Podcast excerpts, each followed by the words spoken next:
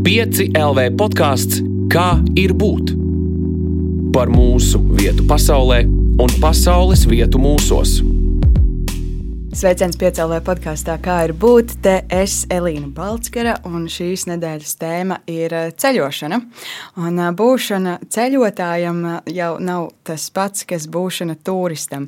Un tad šīs dienas jautājums ir, kas raksturo ceļotāju mentalitāti? Vai turisma industrija ir sagrāvusi mūsu atklāšanas instinktu, jo nu, ir viss tikai jāapskatās, un kas mainās iekšpusē, mainot ārpusē esošos skatus? Par ceļošanu kā prāta stāvokli šodien runāšu ar Andru Martu Babri, kura ir ceļotāja, ārā dzīves entuziaste, fotogrāfe un projektu vadītāja. Čau, Andra! Čau, paldies par lielisko pieteikumu, Elīna. Jā, man tiešām prieks šeit būt un ka uzaicināji. Man prieks, jā, ka tu atnāc un uh, sāksim pavisam vienkārši, lai gan, uh, gan es, gan klausītāji var tevi iepazīt. Kas ir tavs visu laiku iespaidīgākais ceļojums? Oh, ok, ja mēs sākam uzreiz ar iespaidīgākiem. Uh, Protams, varētu kaut kādā dažādās skalās to mērīt, bet, uh, nu, ja cilvēkiem pateikt, ka es apgāju apkārt Islandē gan arī 2000 km, varbūt tas viņiem liktos iespējīgākais. No otras puses, uh, tas nebija gluži, ka mēs nogājām uh, pilnīgi apkārt, tad, jo Islanda ir aptuveni 4000 piekraste kilometros mērot. Un, tas bija tāds divu mēnešu piedzīvojums tieši 21. gadā. Un tas, tas pagaidām ir varbūt lieliskākais, bet ir bijuši arī daudz, kas ir īsāka formāta un ar citām niansēm, ceļojumi un piedzīvojumi bijuši. Kāpēc tu šo tieši izcēli kā, kā tādu lieliskāko? Jā, jo es, ne, es teiktu, ka ir vairāki elementi. Viens, protams, kad uh, kaut, saņemties uz kaut ko tādu tik nopietnu vai divus mēnešus, nu, lielākajai daļai cilvēku tas būtu vienkārši neiespējami. Nu, Tīri atrast to laiku vai saņemties un mentāli, ok, es tagad. Divus mēnešus nebūšu vispār pieejams. Nu, labi, protams, ir telefons mūsdienās gan arī katram, un internets ir gan arī jebkur. Bet tas bija tāds nopietns solis, un arī tas, ka, kā jau te minēji, es gan vadu projektus, gan organizēju dažādas aktivitātes, tad arī pateikt nē savam darbam un aktivitātēm ļoti grūti. Un tajā pašā laikā organizēt pārgājienus ir mans darbs. Tā kā, no tāda punkta es neteicu, nē, es vienkārši izvēlējos šī brīdī, es fokusējos uz to. Un, protams, Islanda, manuprāt, ir tāda viena no tādām top tā saucamajām bucket list vietām, kur daudzi grib doties, jo viņa ir tik dažāda valsts, kur ir gan ledāji, gan lavas lauki, nu, melnās smiltis, dzeltenās smiltis, tur zaļās sunu pļavas, un tad ir oranžas kaut kādas, nezinu, cita veida klintis, un dažkārt tas viss ir vienā vietā, tā kā, ka tu skaties, ka tu savā redzes laukā redzi to visu, un smadzenēm vienkārši tas ir tāds kā overloads. Tas, man liekas, tas bija tas, ko es gaidīju, bet savā ziņā arī tas mani pārsteidza. Jo nu, uz to nevar sagatavoties. Un kā tad jūs skaidrotu to atšķirību starp ceļotāju un turistu?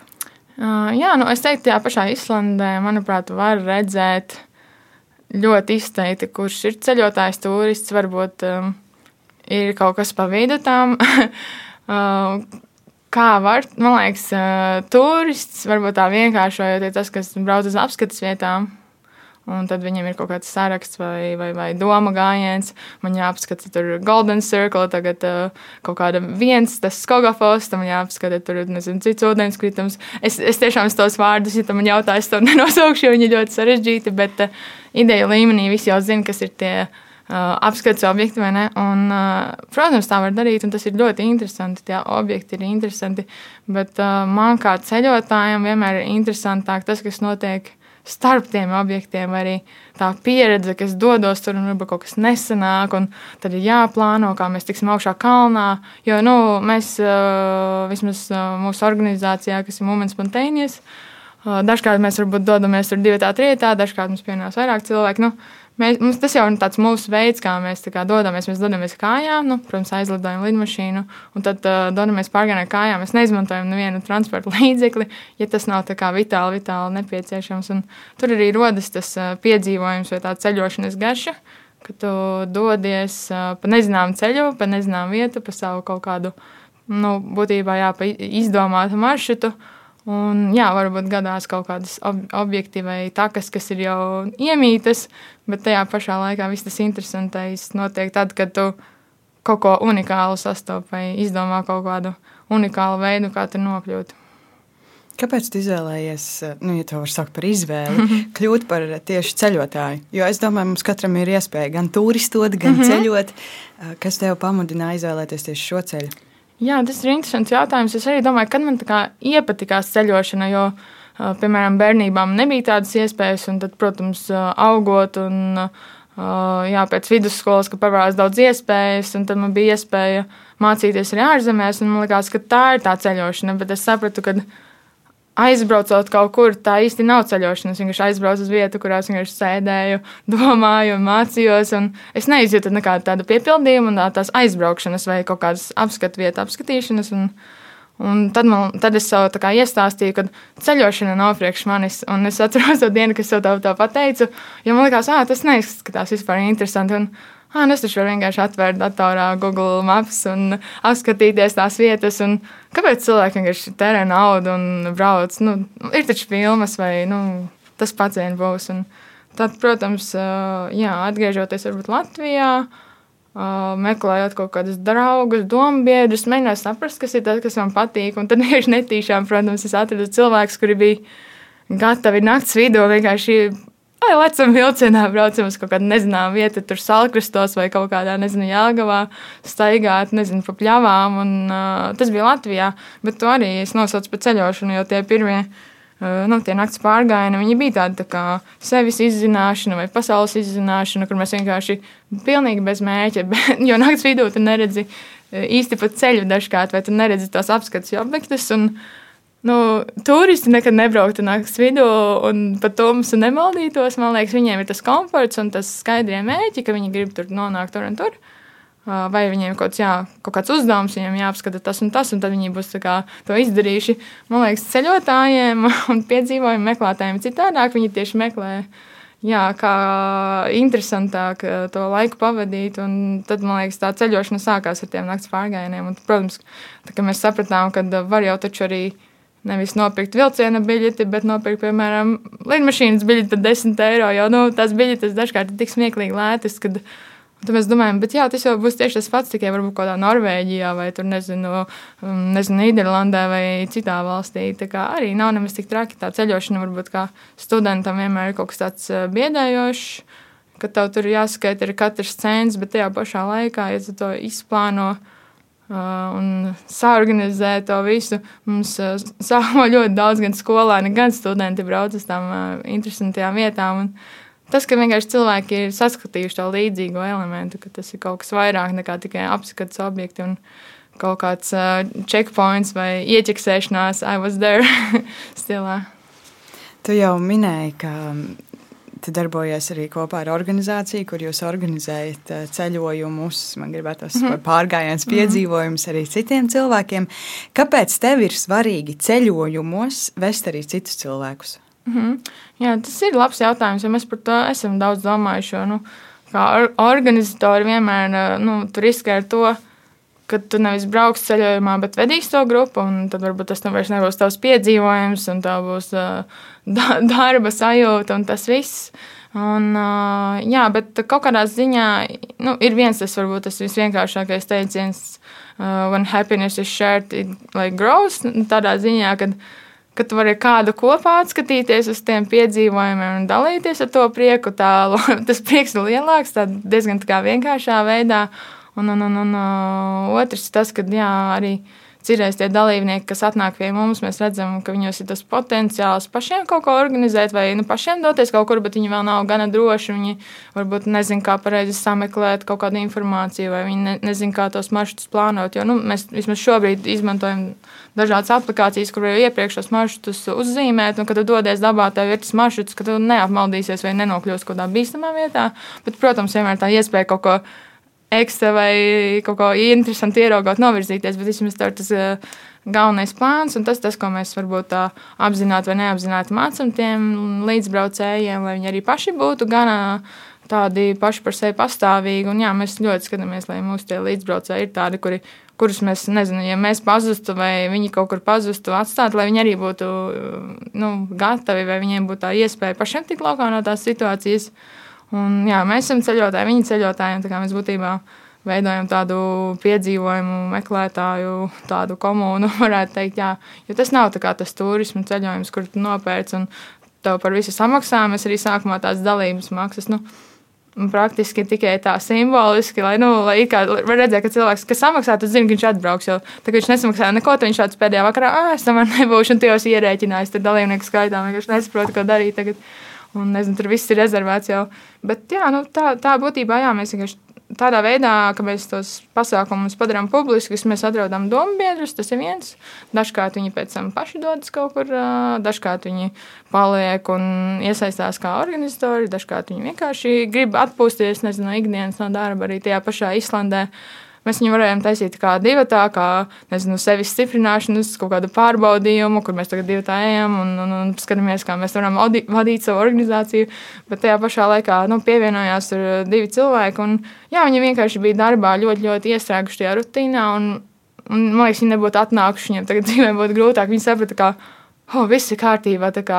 Nu, kad dzīvē viss notiek, vienkārši vajag bišķiņu no malas uz sevi, pastīties, bišķiņu iziet no tās ikdienas. Un, Un, un, un jā, kad tu vienkārši pasaki sev, viss būs projām, tu būsi projām, cilvēki tev kā, respektē un liek mierā. Un tad atbrauc atpakaļ, ir daudz, daudz vairāk enerģijas, un tu arī turpināt savu to darbu. Un tā, un tas man liekas arī ļoti vērtīgi priekš tiem cilvēkiem, kas mums atnāk.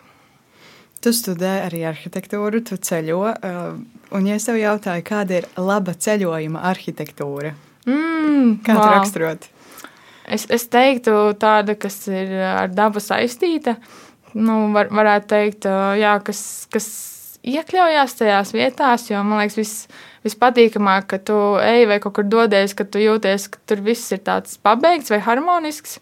Bet, protams, nu, laba arhitektūra var būt jebkas. Nu, tas atkarīgs no tā skatu punktu, vai ko tu meklē. Un mums pašiem, protams, ļoti interesē, ka mēs kaut kur dodamies, vai tā ir kaut kāda āla, varbūt, vai kur, dzīvojuši, nezinu, kaut kādi cilvēki tur 5. gadsimtā, un tu domā, oh, kā viņi te varbūt tajā alā kaut ko tur, nezinu, gatavo ēst vai ko. Un mēs esam palikuši šajā alās, nu, bez teltīm, bez nekā, jo, piemēram, tur Maltā un Kiprā nu, tur ir siltāka klimats, tev pat nevajag to telti. Un, tā kā mēs sākām ceļot biežāk, nu, mums nebija vienkārši telts. un tad mēs tā kā, hm, labi, tā mēs varētu uztaisīt tādu maršrutu, kur mēs pa kaut kādām alām, pa kaut kādām negluži pilīm, bet kaut kādām pamestām baznīcām vai tur pamestām tiešām kaut kādām mājām paliekam. Un, tie, tie bija nu, arī joprojām. Mēs dažkārt kaut ko tādu atrodam pa ceļam. Man liekas, tie ir tie mūsu mīļākie objekti mūsu pārgājienos. Jo mums jā, tas komforts ir citādāks. Mums, piemēram, atrast kaut kādu, nezinu, tur sagruvušu pieminiekli vai kaut kādu, nezinu, kaut ko, kas Grieķijā ir palicis, nezinu, no kāda seniem laikiem. Tas ir tādā tāda wow sajūta. Un, man liekas, tā ir tā arhitektūra, tā autentiskā, ko mēs meklējam. Un, uh, tas, ko mēs varbūt tagad pēdējā gada laikā vai tīri skatāmies, ir arī. Nu, kā arhitekti, protams, skatāmies arī, nu, protams, ir, ir tik objekti, cik viņi ir uzbūvēti. Ja tur, nezinu, septiņi pasaules brīnumi. Nu, nu, viss vairāk nav, bet tajā pašā laikā ir arī iespējas, kā mūsdienās var panākt līdzīgu sajūtu. Tā kā būtībā, jā, Uh, jā, mans vīrs raksta darbu par šo te tematu, jo uh, kā apvienot visus hobijus, vienkārši raksta par savu hobiju doktora darbā, tad uh, pieredžu arhitektūra un uh, dabas turisms. Un var, protams, arī ar moderniem materiāliem dabūt to sajūtu. Mm, tu vari, nezinu, uztaisīt, tā kā Islandē tagad ir um, Sky Lagoon, kas ir it kā uh, atgādina tādu dabīgo termālo avotu spā, bet, protams, tur ir iekšā, tur ir, es nezinu, viss ir vienkārši moderns, tur ir ģērbtuves, tur ir, nezinu, kokteļu bārs, tu iepeldi tajā lagūnā caur tādu akmeņu. Uh, nu, ne alu, jā, tā kā sanāk, tu iziet no ģērbtuves, un tur būtībā vienkārši sākas uzreiz tā kā aliņa, un tad izpeldi laukā no tās aliņas, un tu esi, jā, vienkārši kaut kādā lagūnā starp akmeņiem, un tad tu pieskaries tiem akmeņiem, un tev tāds, uh, Es tiešām nezinu, vai viņi ir īsti vai nē. Esmu diezgan droši, ka viņi nav īsti, bet, kad tu viņiem pieskaries, nevar to just. Jo tur viss uztaisīts tik tā harmoniski un dabiski. Un, būtībā viņi gada laikā uztaisīja to vietu Reikavīgas centrā, nu, desmit minūtes no Reikavīgas centra. Un, man liekas, ir veiksmīga arhitektūra um, dabā vai priekš dabas turisma, kas noņem to slodzi no tiem dabas objektiem vai arī. Nu, cilvēki paliek vairāk, dabas objekti ir tik, cik ir, un var radīt vietas, kurās mēs varam dabūt līdzīgas pieredzes. ja to tā vairāk papēta un izanalizē, kas ir tas, nu, protams, tā kā primāri tās ir sajūtas un kā cilvēki ar to objektu nezinu, sadarbojas vai kāda ir tā sajūta rodās. Jā. Kas tavuprāt veidot nu, tādu ceļošanas ekipējuma bāzi, mm. bet domājot gan par nu, fizisko, bet arī par mentālo ekipējumu, kas eh, tev ir jāņem līdzi, lai tu mm. varētu doties eh, patīkamā ceļojumā. Mm. Tas jā, ļoti labs jautājums, tīpaši tāpēc, ka viņam ir tās divas daļas. Nu. Mm, kaut kur dodoties, es teiktu, ja dodas tikai ar vienu šo daļu, tikai mm, fizisku ekipējumu varētu būt grūti tikt kaut kam pāri. Un, ja dodas tikai ar mentālo sagatavotību, tad var arī gadīties, ka vienkārši fiziski tu netiec kaut kur kaut kādā kalnā vai kādai upē pāri, jo tev nav tur, nezinu, vīri vai kaut kas tāds. Un tad uh, ideālā variantā, protams, ir abi šie te, bet uh, man liekas, ka sākot uh, ceļošanu un varbūt tādu nopietnāku iešanu pārgājienos, nu, es varu var vairāk komentēt tieši par pārgājieniem, kaut kādiem upju braucieniem, varbūt ne par visiem tādiem dabas tiem, turismu veidiem. Bet jā, nu, ir kaut kādas lietas, kas vienkārši sākumā sasumējot tās summas, tev liekas, mm, jā, diez, diez, diezgan tā kā šis, šis nebūs kā tik lēti, kā likās, bet man liekas, mums vismaz tāds uzstādījums bija, ka mēs sākām iet pārgājienos, ka sākumā mums vispār nebija nekas, mēs vienkārši gājām, nezinu, tur kediņās un, nezinu, tur ar to maisiņu pie rokas jau soma, mugursoma, kas tas tāds vispār. Un, un, un, un viens lukturītis visu grupu, tas bija tik, cik bija vajadzīgs, tas bija izcili.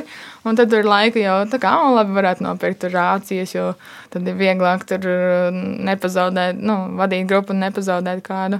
Un tad uh, arī jā, savos kaut kādos uh, braucienos tagad mēs ņemam, nu, ja tas ir tādās vietās, kur pat nav vispār zona internets, tad ir uh, tas satelīta telekomunikators uz vienu nu, grupu, viens uz visu grupu.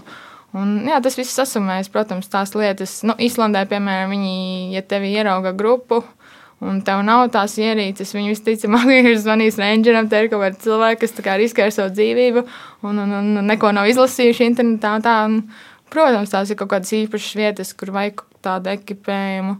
Un varbūt, nezinu, tur kāpjot uh, kalnā, vajag tos zābakus, kuriem ir saķere, bet tajā pašā laikā uh, jā, visi, jo visi tie, kas mums varbūt pazīst labāk, tie jau zina, ka mēs arī ar krokšiem ejam.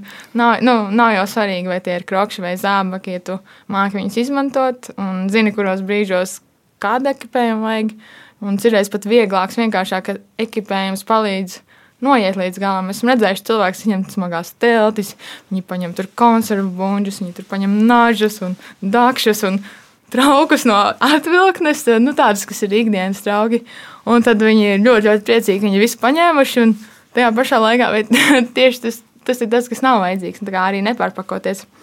Un, jā, nu, viens variants tur nezinu, lasīt blogus vai Mums variants bija tā, mēs vienkārši gājām, skatījāmies, ok, šis, šo mēs neizmantojām, vai um, mums kaut kas pietrūka, un tad mēs domājam, kas mums pietrūka. Katrā pārgājienā vai katrā piedzīmā, tu vienkārši piefiksē tās lietas, un nākošais tur nedaudz uzlabot, ko tā ir viena lieta, ko tu, nezinu, uzlabot, tur, nezinu, pārgājienos ir ļoti slikti, tur koku vilnas zeķis, uh, jo var sabrast kājas. Tad nākošais vienkārši nepēc koku vilnas zeķis, viena lieta, ko tu vari izmainīt, man liekas, tad cilvēkam arī vieglāk um, sakārtāt tās domas. Tas tā varbūt par ekipējumu un par to mentālo sakārtošanu. Man liekas, ka ļoti daudzi cilvēki ir tādi pozitīvi ikdienā, nu, optimistiski. Es arī esmu optimists un tā, bet um, vismaz ar vīru kopā ceļojot, viņš ir atkal varbūt risku analītiķis tādā ziņā. Un, Tas ir tas, kas man liekas, katram cilvēkam ir vajadzīgs, dodoties kaut kur dabā vai piedzīvojumos, saprast, ka ir tie riski, jo nu, da, daba ir daba, un tur var būt ūdens, tur var būt zibens, tur var būt kaut kāda smilšu vētra. Un vienkārši mēģināt sagatavoties tiem riskiem, pat ja viņi neatnāks. Un tā ir tā vislielākā liekas, mācība, jo mēs arī pārgājienos, mēs parasti dalībniekiem pārgājienā sākumā izstāstām, būs piecas upes, iespējams, vienā būs tilts nolūzis, jo viņi bieži vien ir tā, ka tilts vienkārši jau ūdenī, un tad būs jāiet apkārt vai būs jālien cauri. Un, Un, un, un, man liekas, ir jau tādas dažas pārgājienu organizācijas, kurš, kuras jau ir slavenas ar to, ka tu redzi, ka viņi tur vienkārši somas uz, uz pleciem un iet pāri. Un man liekas, ka cilvēks sagatavo sliktāko, tad viņiem izdarīt pēc tam jebko būs viegli, nu, salīdzinoši vieglāk. Un, un, un nevis sagatavot, oh, būs saulaina diena, jums vispār nekas nesāpēs, jums tur viss būs labi. Un tad, nu, visticamāk, jau nu, tu nevari kontrolēt to, ko tu nevari kontrolēt.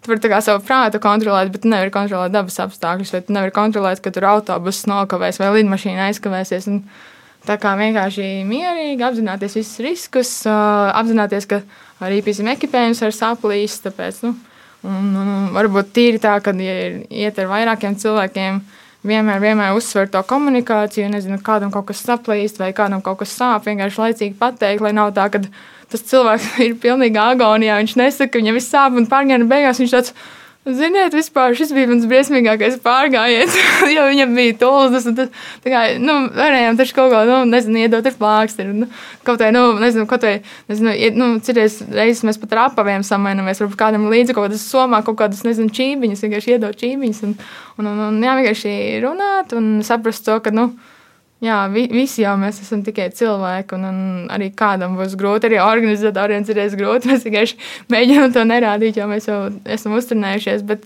arī mums vienmēr ir katru reizi kaut kas, kas nesanāk, vai tā nepārāk izdodas. Galvenais ir jā, saprast, kas varētu neizdoties, un tad jau laicīgi iztēloties to un domāt, hm, tad es darīšu to un to. Un kad tu būsi tajā situācijā, tu diezgan droši jau varēsi to kā, problēmu risināt. Man pat priekšā ir pierakstīts, ir tāda beiga foršā stop metode. Mm, būtībā ir kāda slikta situācija, ir īpaši cilvēkiem, kas nav pieredzējuši.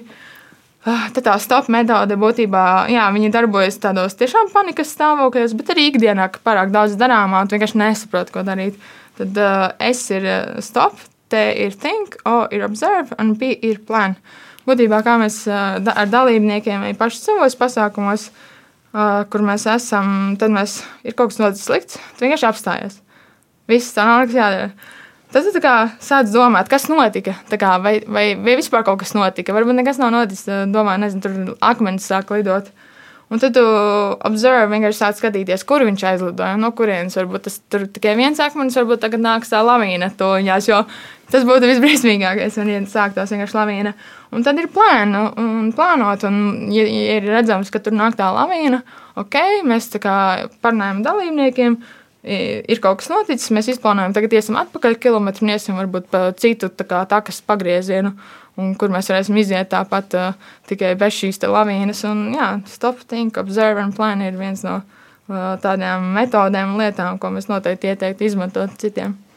Es tieši gribēju jautāt, kas ir tās lietas no tās ceļotāja mentalitātes, ceļojot, ko var paņemt savā ikdienā un izmantot. Vai tev ir vēl kaut kas, ko tu varētu piebilst, mm. kā ikdienā kļūt par ceļotāju?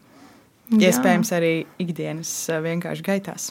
Jā, ļoti labs jautājums. Jo, man liekas, nevar jau atdalīt to, ko tu dari. Tu dari tādu kaut kādu mērķi vai tādu, man patīk teikt, nu, meaningful, ka tu dari kaut ko jēgu. Ir, protams, forši vienkārši kaut kur paņemt atvaļinājumu, aizbraukt, atpūsties, vienkārši neko nedomāt, nedarīt. Tas arī ļoti vērtīgi var būt attiecīgā situācijā. Man patīk tā ceļošana, vismaz kā mēs to darām, kad mēs tiešām neceļojam tā galamērķa dēļ, nu, nesavācām kilometrus, nesavācām vai tur neuzkāpām tik augstu, neuzkāpām, bet tas, ka kā vienmēr gatavoties mēģināt, dzīvē notiek kā dzīvē, un jā, visas riskus tu apzinājies, un tas, tas tā, tāpat arī biznesā vai pasākumos, kas nav varbūt pārgājieni, vienmēr kaut kas noiet greizi, un būtībā, ja tu laicīgi to plānošanas fāzi veids un, un, un, un apskata vispār iespējas riskus. Vienkārši kaut vai galvā padomā vai pierakst uz lapiņas, kādi ir riski, kādi varbūt tur laikapstākļi. Dzīvē laikapstākļi varētu būt tava oma vai cita cilvēka oma. Varbūt aiziet pie darba devēja, viņam ir slikts garas stāvoklis, un tad tur labāk pagaidi, ka būs labs viņam garas stāvoklis. Tāpat arī dabā tu skaties, mm, sola lieta vai pērkona, es tagad palikšu teltī, rītdien savu labu laiku, rītdien es noiešu vairāk. Nu, tā mēs Islandē darījām jau Mums jau nebija plāns katrai dienai, mums bija vienkārši tāds kā divu mēnešu plāns. Un skatījāmies, jā, vienā dienā mēs nogājām 5 km, vienā tur 70, un tas nebija plānots. Tas vienkārši tie apstākļi tā sakrita. Otrs mums kā, nu, mēs bijām sagatavojušies, vai vismaz kā arī katru dienu ejot, jo tu bišķiņu sagatavojies, vai zini, ah, es vakardien arī tā, bet šodien varētu tur somu pārkārtot, pielāgoties, teiksim tā, jo Jā, jo, nu, ja mēs kaut kā vienkārši ceļotu, vienkārši dienu dienā izkāptu no mašīnas, apskatītu kaut ko iekāptu apakaļ, tas būtu citādāk. Ja mums bija katru dienu jādomā, ok, ko mēs varētu nezinu, pievilkt strīķus somai, vai tur dzīvē. Tas būtu, nezinu, tur kaut ko pamainīt, tur, ok, tagad es darīšu tā, vai citā secībā, vai kaut ko noņemt no ostas. Nezinu, mēs dažus mantus vienkārši izņēmām no somas un aizsūtījām atpakaļ uz Latviju. Tā kā nu, to mums nevajag, vai arī sapratām, ka kaut kas pietrūkst, un mēs palūdzām viņus pa pastu atsūt kaut ko. Un uh, pielāgoties, jā, jo it kā jau liekas, ka tas viss izplānojas, un, un, un tagad jau visam būs jābūt ideāli dzīvē. Arī es jau visu izplānoju, viss man labi notiks. Bet, Uh, viens ir tas, kā arī apstākļi var mainīties, un otrs, ka tu jau pats mainies, jau pats audz un pats kaut ko saproti. Oh, tu saprati, ka kaut kas tā nestrādā, tu paņem un to vienkārši nu, vai nu atlaidi, vai pamaini kaut ko. Un tas man liekas, tā vērtīgā mācība, ka viss nav tā kā, tik, tā kā, kā ABC, kur ir visi burtiņi vienā secībā.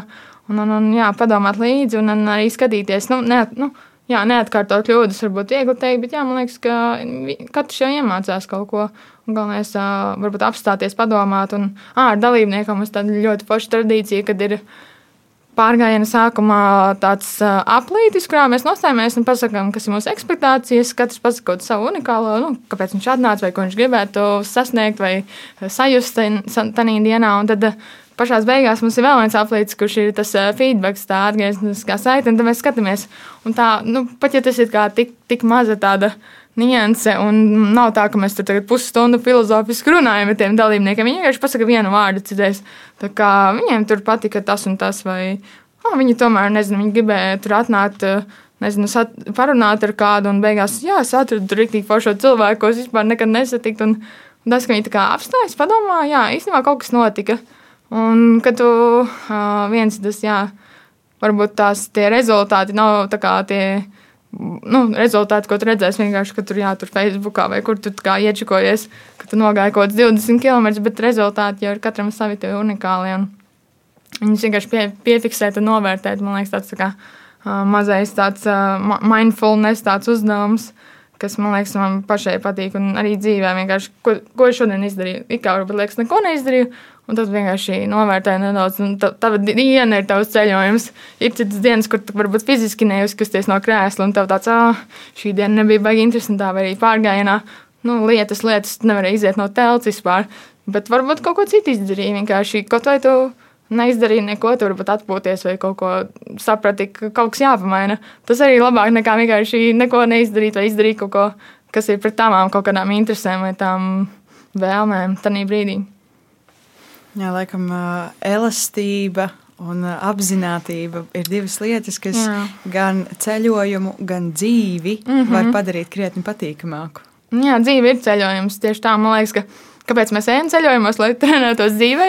Jo kā, mēs arī nemākam dzīvot no nu, tā pa lielām. Nu, kurš skolā tā neviens nemāca dzīvot? Piemēram, tev iemācās tur formulas, iemācās tur kaut kādas geogrāfija, nu, rīktīgi forši, nu, kā, forši informācija un tā, bet tā pašā laikā cilvēki ir dažādi, un nu, katrs ir personība, vai tie personības tipi var atšķirties. Nu, viens var būt tāds atvērtāks, viens var būt tāds, kas vairāk izsvērtāks, iekšēji domā un izanalizē, citiem ir tāds aizdošos, un tad es domāšu, un, un jā, tu arī kā cilvēks vari darīt dažādas lietas, bet man liekas, ka ceļojumā tur ir trenēties un skatīties, kāds tu būtu kā cilvēks. Un jā, mums ir diezgan tāds, varbūt smieklīgs. Es nezinu, vai tas ir tāds beigas pareizs, pareiz vētisks kaut kāds tāds uz, ne, uz, uzstādījums, bet, ja kāds mums jautā, ah, es nezinu, tā kā kā es ar šo cilvēku jūtos, vai nezinu, tur kaut kāds jauns pāris, kā, tur izveidojies pārgājienā. Viņi, es jau redzu, kā, kuri parasti ir tie pārīši. Kā, viņi man cirēs pat raksta, kā, es, jau, es jau zinu, kā, kāpēc viņi man raksta. Un, un tad, tā, un tad mēs sakām, jā, vienkārši aiziet, aiziet pārgājienā, jo tur jūs taču redzēsiet, kādi jūs esat. Kā, vai laiva braucienā, kad jūs vienā laivā sēžat, un tur nevar tā, es neierēšu, airē pats, jo tad jūs vienkārši ieiesiet kaut kādā grāvī vai krastā, ietrieksieties. Un, tas ir tā kā, jā, tu būtībā. Tā arī mēs kā, ar vīru sākām iet pārgājienos. Tas bija tā kā, jā, oh, tur ar draugiem. Tad dažkārt bija tā, ka draugi vienkārši nu, uzmet vai tāds, ah, šodien netiek. Un tad mēs gājām, nu, kaut kā paši tam bija tāds, ah, rīktīgi paši pasīties tā, vai kā tā darba dalīšana notiek. Vai, jā, un tā kā būtībā, jā, pārgājienā tu vari izteikt tādā citā, neordinārā veidā to, kā tu ikdienā ar cilvēkiem vai saviem tuvajiem uzvedies un attiecies. Tas, tas tā, tā tāda baigi interesantā lieta. Jā. Es pilnīgi piekrītu. jā, ja tu gribi pārbaudīt attiecības, aizej garā pārgājienā, O, kur tā jā. kā nezinu ar teltīm un lietu, un tad tu redzēsi. Tā vismaz, man Vismaz liekas, trīs dienas būtu mi minimums. jā, trīs dienas, jā, un tas ir vēl tāds minimums. uh, trīs dienu efekts, kur arī tīri tā kā priekš, da- nu, kad tu esi dabā, tu arī bišķiņ atslēdzies no ikdienas, tīpaši, ja tu esi tāds pilsētas cilvēks un tajā stresā un rutīnā un tajā ikdienas pilsētas ritmā esi iedzīvojies, tad ir jā, būtībā vajadzīgas kaut kādas trīs dienas, lai tu kā nomierinātos un sāktu domāt tādā, nezinu, bišķiņ plašāk, ne plašāk gluži, bet jā, vienkārši pierastu pie tā, ka, ok, nav nekādi darbi. Nu, kamēr, tu, jā, kamēr tu esi iekšā, protams, liekas, kā visas deg un tā, vai tā kā man tur jābeidz studijas, vai es nezinu, kādam tur, nezinu, tur māja jābūvē, vai tur, ā, tagad kaut ko nepaspēs, tur, vai bērniem kaut kas tur jāizved, bet, jā, man liekas, tas dabā, tad vienkārši no malas nedaudz pasties un sakārto tās, gan tās domas, gan savu ikdienu. Un, Un varbūt citiem cilvēkiem viena diena taču nepietiek, lai izietu laukā no tās ikdienas. Viņiem kaut kādas divas, trīs ir optimāli, un tad arī varbūt ir vairāk laiks to otru cilvēku parunāt, vai pat nerunāt. Nu, var jau nerunāt, var vienkārši iet un baudīt to mirkli un skatīties, kas notiek, un tad ir kaut kādas situācijas, un tad arī var redzēt, kā cilvēki reaģē uz lietām, kas tāds netik ikdienišķs. Mm, Klausītāji, neredz, es laiku ļoti aktīvi māju ar, Ah, jā, māju ar jā. galvu. Jā, droši vien mēs samājamies ik pa laikam, protams. Visu Jā. laiku samājamies. Jā, klausītāji arī var doši mākt līdzi. Un... Viss tādā vienā Jā. ritmā. Uh, Bet vai ceļošanas ilgumu tu jau tikko arī minēji? uh, Piemēram, divas, trīs Mhm. dienas, kas ir tāds minimums, lai atslēgtos. Uh, Bet vai ceļošanas tam ilgumam ir kaut kāds sakars ar kvalitāti? Mhm. Tu tikko minēji arī divu mēnešu garu ceļojumu. Jā, tieši tas, ar ko es sāku, jo nu, tu prasīji, kas tāds iespaidīgākais. Nu, teiksim tā, divi mēneši ir iespaidīgi, bet tajā pašā laikā tur bija divas nedēļas, kad mēs gājām gar lauku ceļiem, gar aitiņām, un nu, nebija tur tie vulkāni. es nezinu, nebija nekas tāds wow, wow. Un, Bet tajā pašā laikā ir kaut kādi četru dienu vai kaut kāda nedēļas piedzīvojumi, kuros tu ej un tu atbrauc atpakaļ. Un tā tāda, wow, man tāds sajūta, ka pagāja mēnesis. Vienkārši, nu, tur vienkārši tā, nu, tā kā, gan tas, kā, kā lietas notiek, kā viņas viena pēc otras kaut kā secīgi attīstās. Un, jā, es, es pat nezinu, vai tāds eh, konkrēts garums. Man liekas, varbūt, katram cilvēkam kaut kāds ritms, kurā viņš ie, ie, iejūtās un viņam paliek labi un komfortabli.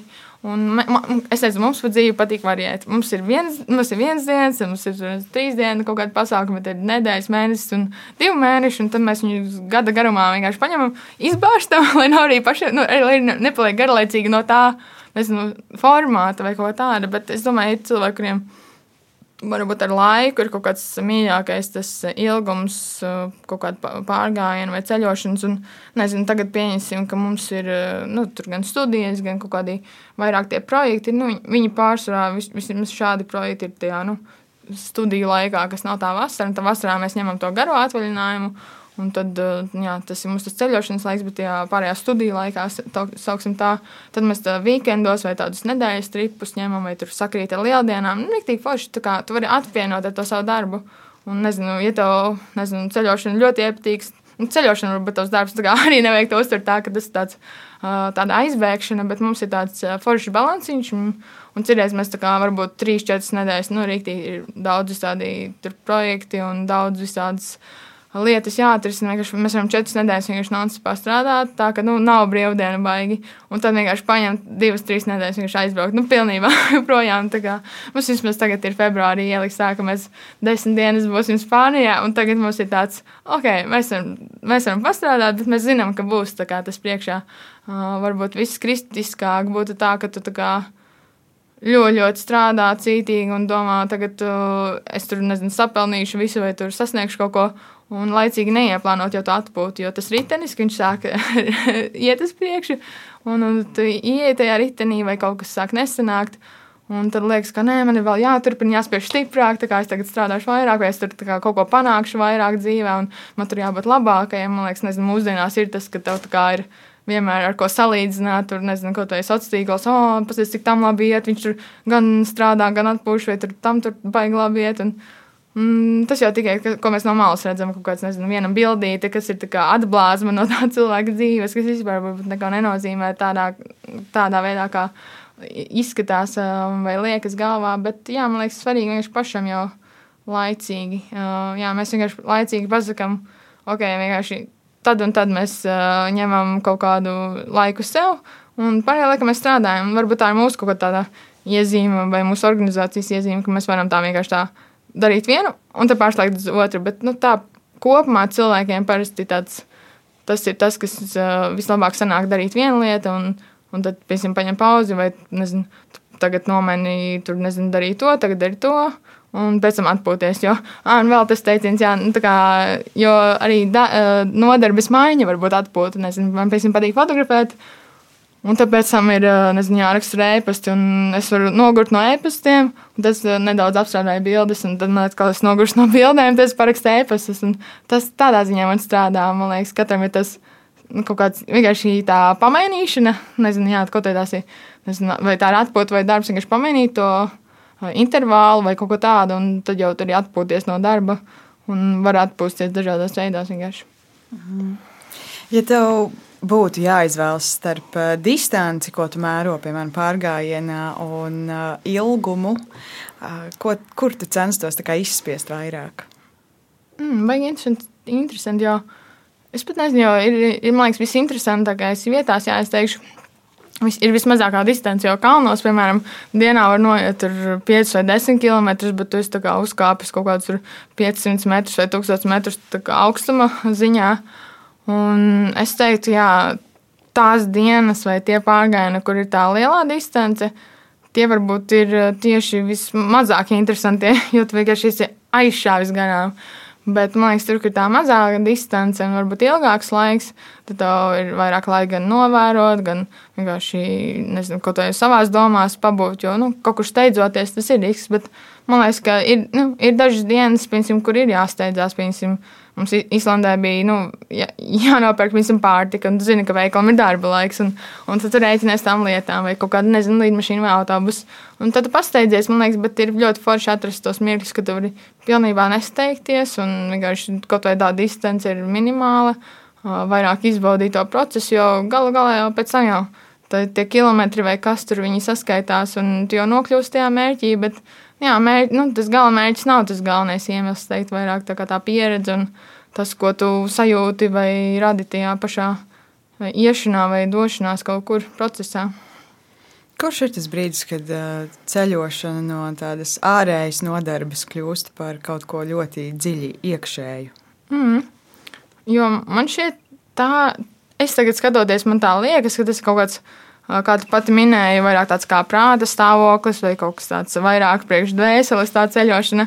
Bet to es noteikti sapratu tikai tagad, ko tas pēdējos divos, trīs gados. Es domāju, nu, ku, nu, kāpēc es tur ceļoju? Man tāds, nu, jā, it kā jautri, tur smukas bildes, tur nezinu, draugi kaut kādi vai nezinu, vienkārši aizvērt prom tur un bišķi nedomāt par lietām. Bet, Es nezinu, man liekas, to saprotu tikai pēc tam, kad tas jau ir noticis kaut kādā ziņā. Uh, jā, ir citi cilvēki, kas vienkārši, nu, Var redzēt, ka viņi bieži ceļo, viņi kaut ko tur atraduši, bet viņi zina, ko viņi ir atraduši, varbūt vēl nē, viņi vienkārši meklē. Man liekas, tā ceļošana ir tāda sevis meklēšana vai uh, saprast, kas pašam savu dzīvē ir tās vērtības vai kaut kas, nu, piemēram, man vērtība ir augt un nestāvēt uz vietas, tā ceļošana ļoti labi palīdz tam, ka kā, es visu laiku izraujos gan no ikdienas, gan no saviem uzskatiem, ieraugu kaut ko jaunu. Un tas man liekas tāds supervērtīgi. Varbūt cilvēkam dzīvēm vērtība ir tāda nu, pilnīga stabilitāte un tāda nemainīšanās. Varbūt tā ceļošana nav priekš viņa. Bet jā, man liekas, ka tādiem cilvēkiem, kam patīk kaut kas tāds, atvērt savu redzesloku un attīstīties, un ceļošana ir ideāla nodarbe. Vismaz viena no nodarbēm. Saku, tas var būt pārgājiens arī tepatās kaut kur, vai, vai kaut kāds, nezinu, klinču kāpšana, vai braukšana pa upi ar supu. Tas arī varētu būt tas pats vienkārši, kā tu izvēlēsies, kur to formātu. Bet, jā, man liekas, galvā notiek kaut kāda līdzīgas lietas visticamāk. Man liekas, ka ceļojot, bieži vien sanāk sajust tādas divas uh, sajūtas, uh, kas it kā iet pretstatā. Viens ir, ka pasaule ir ārprātīgi liela, jo cik daudz kas ir un wow, un tā. Un tajā pašā laikā bieži sanāk atapties pie tās domas, ka patiesībā pasaule ir tik maziņa. Kad Vai mm. tu arī to tā jūti, un kad tu jūti vienu, un kad tu jūti otru? Jā, es, es jūtu to sajūtu, ka tā sajūta ir tāda, ka viss ir tik milzīgs, tas saprotu ārprāts un tik maziņš, kā es vispār varu eksistēt. Un, Kā es vispār kaut ko varu ietekmēt, ja tā kā man apkārt ir tur, nezinu, milzīga daba, vai tur tūkstnesis, vai tas lavas lauks un vulkāns, un skaties to vulkānu, un tāds, wow, viņš vienkārši ļauj to labu, un tu varētu, viņš varētu vienkārši tur pusciematu aprīt, un tu domā, ok, es ar šito nejokošu, tas vulkāns izstāstās nopietns, Un, jā, un tad, tā, tad tas sācis saprast varbūt, to mērogu vai uzkāpjot tur kalnā augstākajā. Un, un it kā tur varbūt paiet kaut kādas divas, trīs dienas vai tur nedēļa uzkāpt. Tā kā nav nekas daudz dzīvē, nu, kas ir tā kā nedēļa. Bet tu saproti, ka tas ir kaut kādā virsotnē, kas ir 5000 metri. Un tad, tad sāc domāt, jā, ok, es varēju uzkāpt kalnā, kas ir 5000 metri, kas izklausās, nu, nereāli daudz. Un pat zemākā kalnā tur 2000 metri. Un, un tu to izdarīji dažās dienās. Tāds, Varbūt es dzīvē varu izdarīt kaut ko tādu dažās dienās. Bet nu, jā, tas ir tāds, tā kā, tas, tas plašuma sajūta, gan, gan fiziski tā, ka tu jūties tāds, nu, tiešām, wow, pasaule ir reāla. Nu, zemeslode ir liela, tur kosmos, vēl nerunāsim par kosmosu, kad uh, varēs lidot kosmosā. Nu, to es vispār nespēju aptvert, bet tas ir diezgan reāli. Un tad es saprotu, ka tas ir ļoti, ļoti maziņš. Bet tajā pašā laikā tu saproti, ka tu tur tu uzkāpi, tomēr tā aizgāji, un ka tu, kaut kā tā mazā distance ir tomēr ļoti, ļoti nu, ievērojami liela. Varbūt tā kā skatoties no otras puses, un jā, varbūt kā tu precīzāk teiktu, tā otra puse kā izpaužas. Tas ir, kad tu sajūti, varbūt kādreiz. Varbūt arī tu nesajūti. Nav jau mhm. teikt, ka visi tā jūt, ka pasaule ir ļoti maziņa arī. Ah, jā, jā, jā īstenībā, jo, kad tu to teici, uzreiz iedomājies par Rīgu. Rīga ir klasiskā vieta. Kur ir supermaz, tā kā, kā liela, bet supermaziņa. Izej laukā, un tu satiksi vismaz piecus pazīstamus cilvēkus. Un, un, un, un, un pat ceļot ārzemēs, nu, Eiropas līmenī, protams, aizbrauc. Ja tīpaši vēl nopērts lētās biļetes, jo lidmašīnā kaut kādas paziņas satiksi, un lidostā satiksi vēl čupu. Un, nezinu, man liekas, jo populārāks kaut kāds nezinu, brīdis vai turisma sezona. Vienkārši tik ļoti var, var atgadīties, jā, tā, ka nekur jau neesi aizbraucis. Tur pat tie paši latvieši sēž vai tur paši kaut kādi uh, Pa, draugu draugi, paziņu paziņas, tur piesaku Instagram, pēc tam skaties. Un, jā, nu, jā, vai arī vienkārši tāda, vai arī tas, tas tā no vienas puses, jā, man liekas, ļoti bieži notiek, tā nejauši satika kaut kādas paz, paziņas vai saprast to, ka, nu jā, tas vai draugu lokus, jau nemaz nav tik liels, kā visi jau visus pazīst, vēl ir tas, kā aizē pārgājienā, tur kaut kāds cilvēks, tur viņi runā. Un tad saproti, ka jūs no vienas pilsētas esat, vai jums tur ģimenes draugi ir kopīgi. Un tu domā, kā, kā tas ir? Tie taču ir mani draugi. Kā var būt tam cilvēkam kā mūsu kaut kādi kopīgie paziņas draugi vai radinieki? Un tu vienkārši domā, wow, ja, ja tā notiek, tas nozīmē, varbūt, ka kaut kas paliec garām. Nu, jo pārgājienā ir tas mirklis, ka tu vari kaut kā parunāt, jo vienkārši jūs ejat un nezinu, vienkārši vienā ritmā un tā kā nu, labi parunājam. Un, man liekas, jā, un es domāju, vienkārši cik cilvēkam es pašskainu ikdienā garām vai kaut kādā citā valstī. Kas mums varētu būt kopīgs ar viņiem? Tas ir mm, interesanti, jo tu jau nekad nezini. Un tad tu saproti, jā, varbūt kamēr tu esi kaut kādā kalna galā, kur neviens nav, Tev liekas, pasaule milzīga un plaša, un tā pašā laikā, kad starp cilvēkiem saproti, ka nu, viņi nav tik lieli. Mēs visi esam kā, draugi, draugi, draugi. Un tur maksimums ar septiņiem kontaktiem mēs varam tikt pie prezidenta vai tur, uh, jā, līderiem pasaules. Tā kā jā, es teiktu, ka nav pārāk liela pasaule. Jā, paradoxāli. Bet, kā tev liekas, kāpēc mēs vispār izjūtam šo vēlmi nu, palūkoties kaut kur aiz apgāršņa? Tā ir vienkārši ziņkārība, tas ir kaut kas uh, izaicinājums. Kas tas ir? Jā, varbūt tas ir kaut kas tāds vēsturisks vai gēnos, ka nu, cilvēki dzīvoja tādos tā ciematos, bet viņiem tāpat tur bija jāiet medīt un jāstāsta. Viņiem bija jāzina, kas viņiem apkārt ir, lai viņiem neuzbruk un lai viņi būtu droši par to uh, vietu, vidi, kur viņi atrodas. Un, ko viņi sargā būtībā. Un, un tad, jā, viens tas, ka viņiem tur jāiet pakaļ tam ēdienam, tad kā, nu, viņiem vajag tās prasmes, lai viņi varētu aiziet, tur atrast, nomedīt, mācīt atra, atnākt atpakaļ. Tas, liekas, un, jo tas lielāks redzes lauks vai tas viņu tas medījuma lauks, jo viņi varēja nu, pārticīgāk dzīvot, man liekas. Un, ja tu dzīvosi kaut kādā mazā, mazā aliņā un tur varbūt tur, nezinu, tur ir maziņš smilšains strautiņš, Un varbūt tur uh, pēc dažiem metriem vai pēc kilometra tur upe, nezinu, bagāta upe. Un tu visu dzīvi, dzīvi dzīvo tajā mazajā aliņā un dzer no tā mazā strautiņa. Un domā, ah, nu, tas ir viss laikam. Un, bet, kad tu paplašini to redzes lauku, tu saproti, ka tur ir kaut kas vairāk. Man liekas, cilvēki jau, es domāju, vienkārši kaut kā tīri instinktu līmenī zina, nu, ja viņi izies laukā no tās savas. Uh, savas vides, viņi varbūt atradīs tādu tiešām kaut ko daudz vērtīgāku. Bet ļoti daudziem cilvēkiem ir bail. Nu, viņiem liekas, ka man jau viss ir, tad viss labi. Nu, es vienkārši neiešu labāk. Nu, e, ko tad es tur? Nu, tas jau nav priekš manis, bet tajā pašā laikā ir liekas, tas, ka tas eksistē. tas jau visiem ir zināms kaut kur zemapziņā. Kur tu ieteiktu doties kaut kur tepat tuvumā, bet lai varētu noķert to sajūtu, ka esi kaut kur pavisam tālu prom? Hmm. Jā, tas ir labs jautājums. Tas man liekas, atkarīgs tā, ja tas Latvijas tad kā meži liekas garlaicīgi, upes liekas garlaicīgas. Un tad varbūt man liekas, jūra vai nezinu, tur, kur nezinu, kaut kādas kāpas, tas ir tāds wow. Tā kā, Nezinu, tur ejot no, mēs gājām tādu pārgāju no Vēncpils līdz Liepājai un tā Klaipēdai, un tad, man liekas, vēl bija Nīda. Uh, kaut kur tur uh, Lietuvas pusē, un tur man bija tāds wow, rītīgās ārzemes. Es šeit jūtos diezgan iespaidīgi, un tur Pāvilos tā ir tādi stāvie krasti. Un tā, kad, nu, atkarībā no tā, kas ir pierasts, ja tu visu mūžu dzīvo pie jūras, tev jau liksies garlaicīgi. Es, piemēram, pie jūras vispār savā, nezinu, jaunībā, bērnībā tur vienu vai divas reizes biju bijusi, un tagad man tas liekas tāds.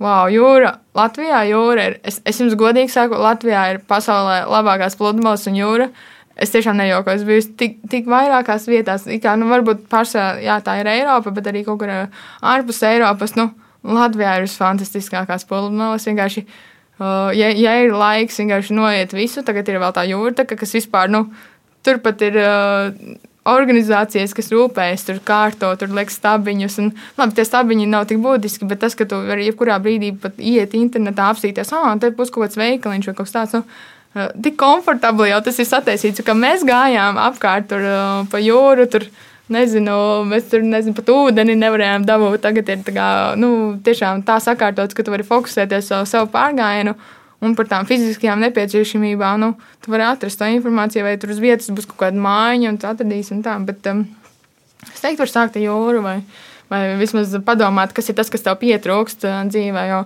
man tā kā tā jūra un nezinu, pat mums ir priedes, bet viņas as asociējas kaut kādām palmām un tā vēja šalkoņa. Tas ir kaut kas tāds, tāds hmm, šī tas ir kaut kas tā kā no filmām. Jo, Uh, jā, ir, tas bija viņa pietrūks. Bet, nu, es, es uzaugu laukos, un man bija tāds, ka man bija apkārt meža un pļāvas. Tas kā man bija jau, bet tā jūra man nebija. Tad tādā skatījumā es to skatītos. Mm. Ceļošana ir arī krietni mainījusies pagājušajos uh, gados, ja tā varētu teikt. Uh, Jau gados. nē, nu, nē, nu viens aspekts ir uh, Jā. vienkārši pieņemsim, palicis pieejamāk, uh, mm. nu, neskatoties pandēmiju, bet pirms pandēmijas Jā. vēl ir palicis pieejamāks, nezinu, lētie lidojumi un tam mm. līdzīgi ir daudz vieglāk sasniedzams dažādas vietas. Mums ir, kā tu minēji, aplikācijas takas mm. un vēl nezinu, kas. Tad ir atnākusi pandēmija, kas ir ļoti ietekmējusi mm -hmm. uh, cilvēku paradumus ceļot. Uh, man prieks dzirdēt, ka tavs lielais Islandes pārgājiens ir noticis noticis tieši pandēmijas laikā. Mm, tur bija visdrošāk, ja godīgi. Tur tieši nebija ierobežojumi, tāpēc mēs braucām. Nu, nu, arī divus mēnešus ejot ārā. Kur nav nu, neviena cilvēka dabā godīgi. diezgan, diezgan droši. Bet kā tev liekas, kā vēl varētu mainīties ceļošana? Es, piemēram, iedomājos, vai virtuālās realitātes ienākšana mūsu ikdienā varētu mm. vienkārši nocirst to, jo mums pietiks ar to, ka mēs uzliekam brilles. Kā tev šķiet? Mēs par to jokojam, jo mums ir VR brilles un mums ir 360 uh, video no GoPro ar mūsu piedzīvojumiem, jo nu, šis kā divi, diviem gadiem, kad tur paeksperimentējam filmēt. Zini, kā baigi grūti filmēt, kad tu kā pārgājienā, to rokas aizņem, tas nopirksim to 360 kameru.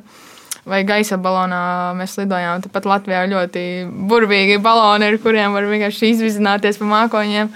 Un, jā, nu, kamēr tas tajā piedzīvojumā, tu jau nu, kā, vismaz uh, idejaski jau pat, pats baudi to skatu. Varbūt, nu, jā, kaut ko tur nofočēja, varbūt tā, bet man liekas, jā, izbaudi to mirkli, un tad tev ir tāds pēc tam aizbrauc mājās. Tāds, gribās kādam parādīt, vai vēlreiz paskatīties, tad ir ļoti forši ir tie video vai kaut kāds tas 360, eh, vienalga, kas tas būtu. Un, jā, nu, un trakākais ir tas, kad uzvalkot tās brilles, ir ļoti reāli sajūta, pat neticēsi. Pat kamēr tu redzi tos pikseļus, mm, ir smak, nu, kā, tas, tas attēls, viņš ļoti labi uztaisīs, viņš projicēs. Tā kā tiešām tu jūti, ka viņš projicēs tev galvā un ir kaut kāda tā dimensijas un tā tāps izjūta.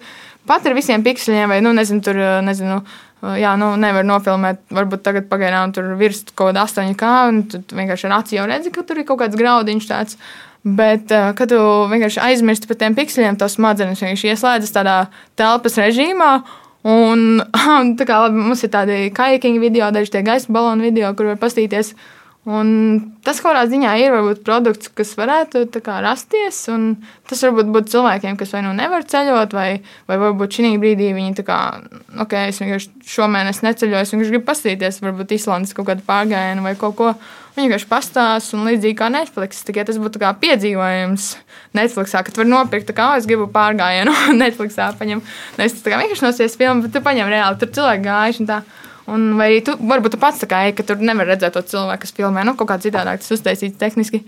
Un man liekas, tas, tā, tas ir biedējoši, bet tajā pašā laikā ir forši, var izvēlēties. Nu, es uzskatu, esmu tas cilvēks, kuram vienmēr patīk domāt tā, ka nu, ir jābūt daudz izvēlēm, cilvēki ir dažādi un pasaule tik ļoti mainās. Un, un vienkārši kaut ko pateikt, nē, tas būtu diezgan muļķīgi. Viņš, oh, nē, nē, tagad noteikti nevēl, ka tās VR bildes jums jānāk pie mums uz momentu spontānijos. Nekādā gadījumā nepērkat tās VR bildes. Tas, tas man liekas, būtu diezgan tā absurdi. Un, jā, man liekas, tā ir kaut kāda lieta, ko interesanti papētīt un dzīvot šajā laikmetā. Ir kaut kas tāds jauns, jo, nu, nezinu, varbūt tur pirms kaut kādiem simts gadiem atklāja fotografēšanu un video.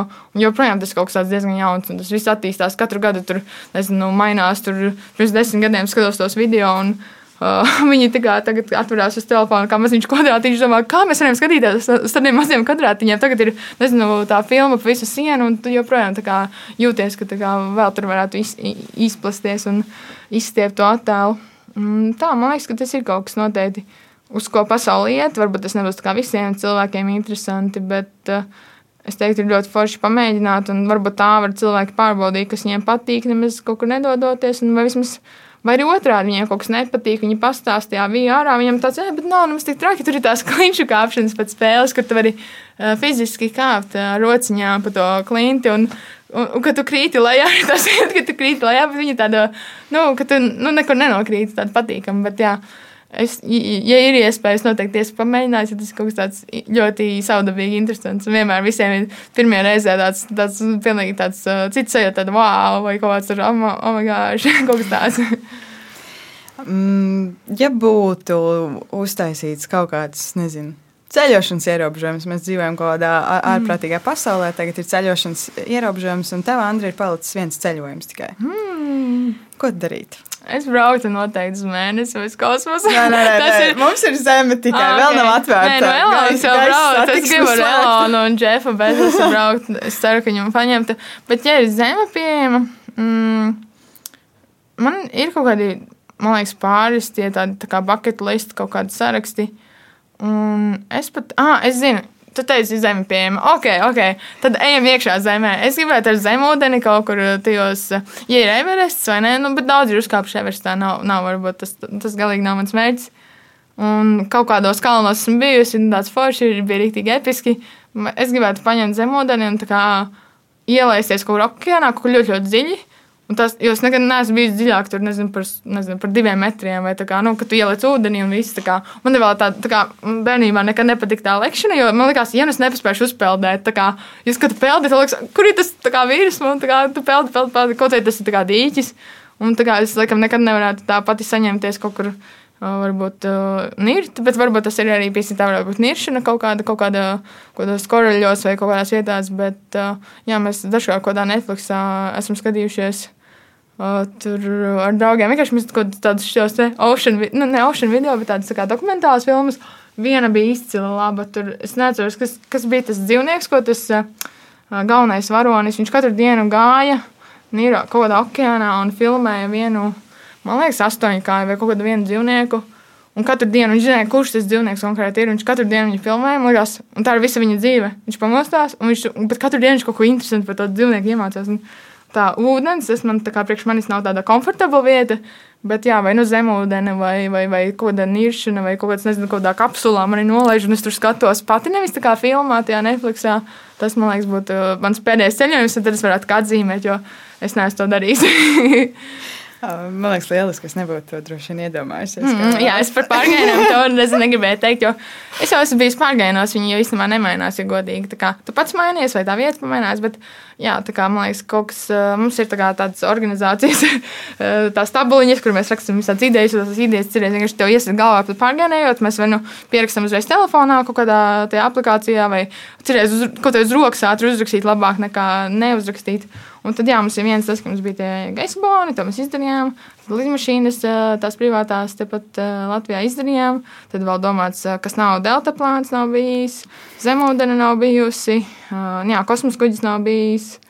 Un gan jau vēl kaut kas, kas ir pierakstīts, kas neatceros, bet jā, mēs vienkārši skatāmies, kas vēl nav izdarīts.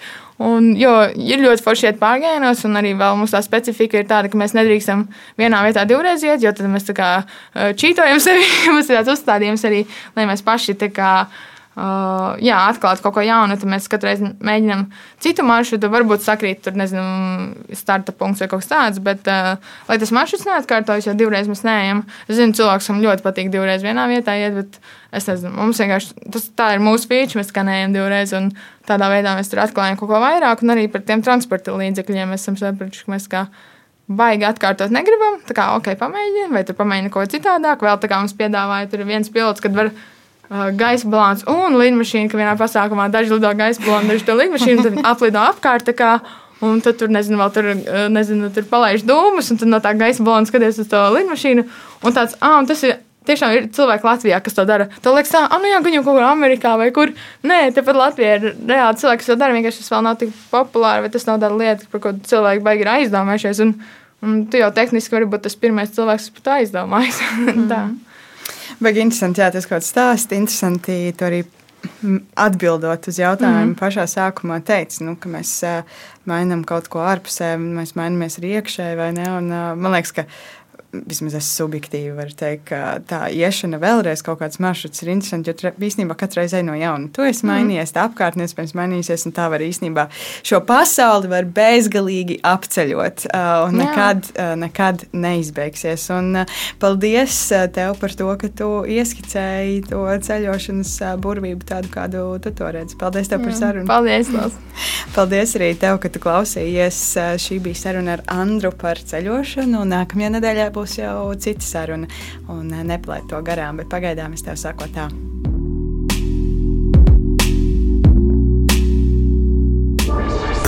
Projekts tapis ar Eiropas parlamenta finansiālo atbalstu.